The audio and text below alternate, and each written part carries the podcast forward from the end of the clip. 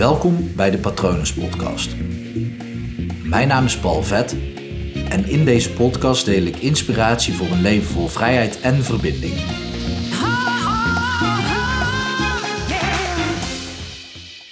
Ik ben de laatste tijd veel aan het delen over trauma's en traumaverwerking.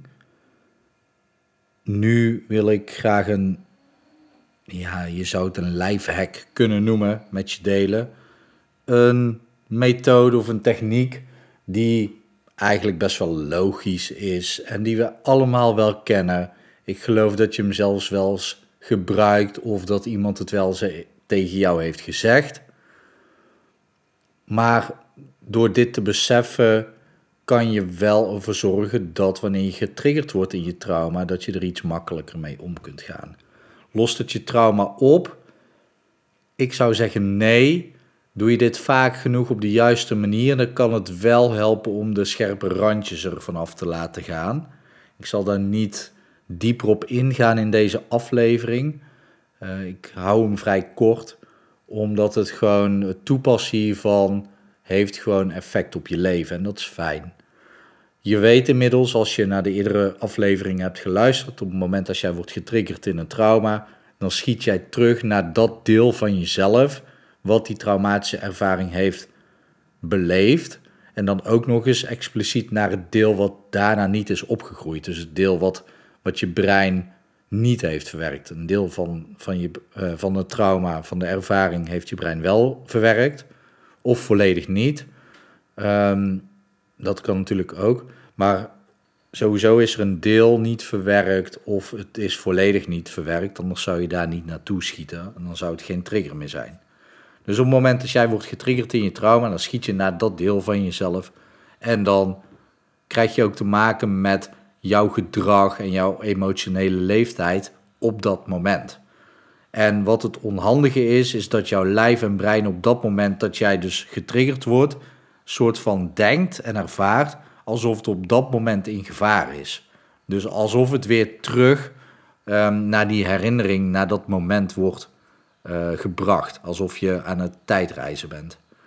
Nu is de meest handige methode om daar op dat moment mee om te gaan en om ervoor te zorgen dat die trigger ja, niet meer triggert, dat je daar op dat moment geen last meer van hebt, is om je lijf en je brein heel erg stevig in het hier en nu neer te zetten. Want vanaf het hier en nu kijk je terug op die traumatische ervaring in plaats van dat je lijf en brein het idee heeft dat je er middenin zit. Dat heet ook wel dissociëren van genoemd. Um, volgens mij zei ik daar geen Nederlandse zin, maar goed. Um, je snapt wat ik bedoel. En hoe, dit, hoe je dat echt heel eenvoudig kan doen is, nou ja, een ander voorbeeld is gewoon doe je schoenen uit en zet je blote voeten op de grond en voel wat je precies onder je voeten voelt. Is het hout, is het laminaat, zijn het uh, tegels? Ga je met je blote voet door het gras lopen of over de stenen en voel je voeten op de grond en ervaar wat dat doet met je voeten. Dan ben je volledig gefocust op je voeten op de grond en dan word je echt heel erg duidelijk terug naar het hier en nu gehaald. Nu kan je niet overal je schoenen zomaar even uitdoen. dus dat, dat is niet altijd een hele fijne manier. Je kan, ook, eh, je kan het ook doen door je voeten gewoon stevig op de grond te zetten, ook al heb je schoenen aan. En dat dan gewoon te ervaren. Dat kan ook al krachtig zijn. Ehm, je kan in sommige situaties niks anders doen, maar je voeten die staan vaak wel op de grond. Dus focus je dan op je voeten die contact maken via je schoeisel met de grond. Dat kan ook krachtig zijn. Wat eigenlijk een methode is die altijd kan werken, ehm, is gewoon, en wat ik zei, dit is echt wel eens tegen jou gezegd, of heb je zelf wel eens tegen iemand anders gezegd, denk ik. Adem in, adem uit. Echter, op het moment dat je dat tegen iemand zegt, dan zeg je gewoon letterlijk adem in, adem uit, het komt goed.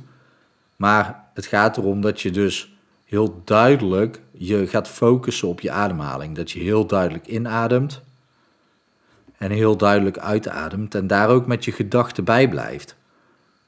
Dat zorgt ervoor dat je heel erg naar het hier en nu wordt gebracht. En het fijne is, je ademhaling heb je altijd bij je.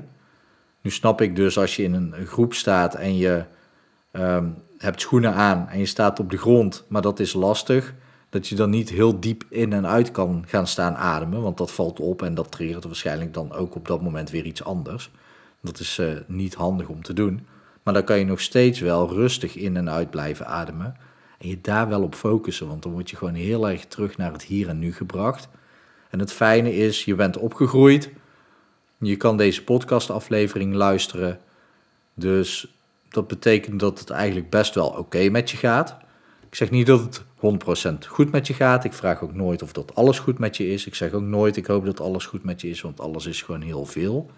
Maar het feit dat je dat kan, dat betekent dat je zelfstandig genoeg bent en dat je dus de situatie waar jij in zit als volwassen persoon gewoon prima aan kunt.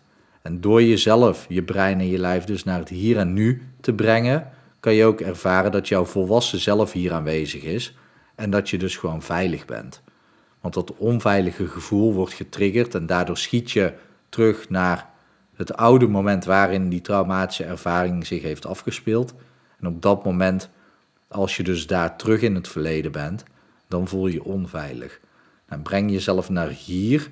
En misschien kan je dan zelfs, als je wel merkt van oei, dat is deze, deze ervaring die terug naar boven komt, dan kan je ook zeggen, ja, dat was daar toen in het verleden en ik ben hier nu in het heden en ik focus me op mijn ademhaling of de voeten op, mijn op de grond of je houdt je handen onder een kraan en je voelt het water over je handen stromen, terwijl je gewoon tegen jezelf zegt, ik ben hier in het hier en nu, ik voel me veilig, ik ben volwassen, zelfstandig en ik kan het aan. Op het moment dat je dat soort trucjes toepast, Ehm, wat eigenlijk het ontmaskeren is van de truc van je brein die jou dus de hele tijd terug naar het verleden slingert. Dat is eigenlijk de truc. En jij ontmaskert de truc door gewoon te zeggen: nee, ik ben gewoon hier. Ik sta met mijn beide benen op de grond. Ik adem diep in en diep uit. Volgens mij kan dat helemaal niet, zit ik te bedenken. Diep in en rustig uit. ik weet niet waarin je anders diep moet uitademen. Ehm, of ik hou mijn uh, handen onder de kraan en ik voel het water in het hier en nu over mijn handen stromen. En ik voel me gewoon helemaal veilig en op mijn gemak. En op het moment dat je dat doet, dan heb je minder last van je trauma. En het kan ook gewoon een manier zijn om daarmee om te gaan. Natuurlijk zie ik liever dat je het ook gewoon oplost. Uh, bij een goede hypnotherapeut bijvoorbeeld. Uh, je kan natuurlijk ook gewoon mijn berichtje sturen. Het is maar net waar, waar jij je fijn en veilig bij voelt. Maar dit kan je in ieder geval al helpen om ermee om te gaan en om de scherpe randjes ervan af te halen. Mocht je hier vragen over hebben, laat het me gerust weten. Je mag me natuurlijk een mail sturen naar patronen.palvet.com. Je kan me ook vinden op Instagram hypnopal.nl. Volgens mij zit ik op Facebook ook hypnopal.nl. En dat is natuurlijk ook mijn website hypnopal.nl. En daar kan je meteen zien wat ik voor jou zou kunnen betekenen. Ik hoop dat het goed met je gaat. Ik hoop dat het goed gaat met dierbaren van je en ik wens je natuurlijk ook nog een hele mooie dag toe.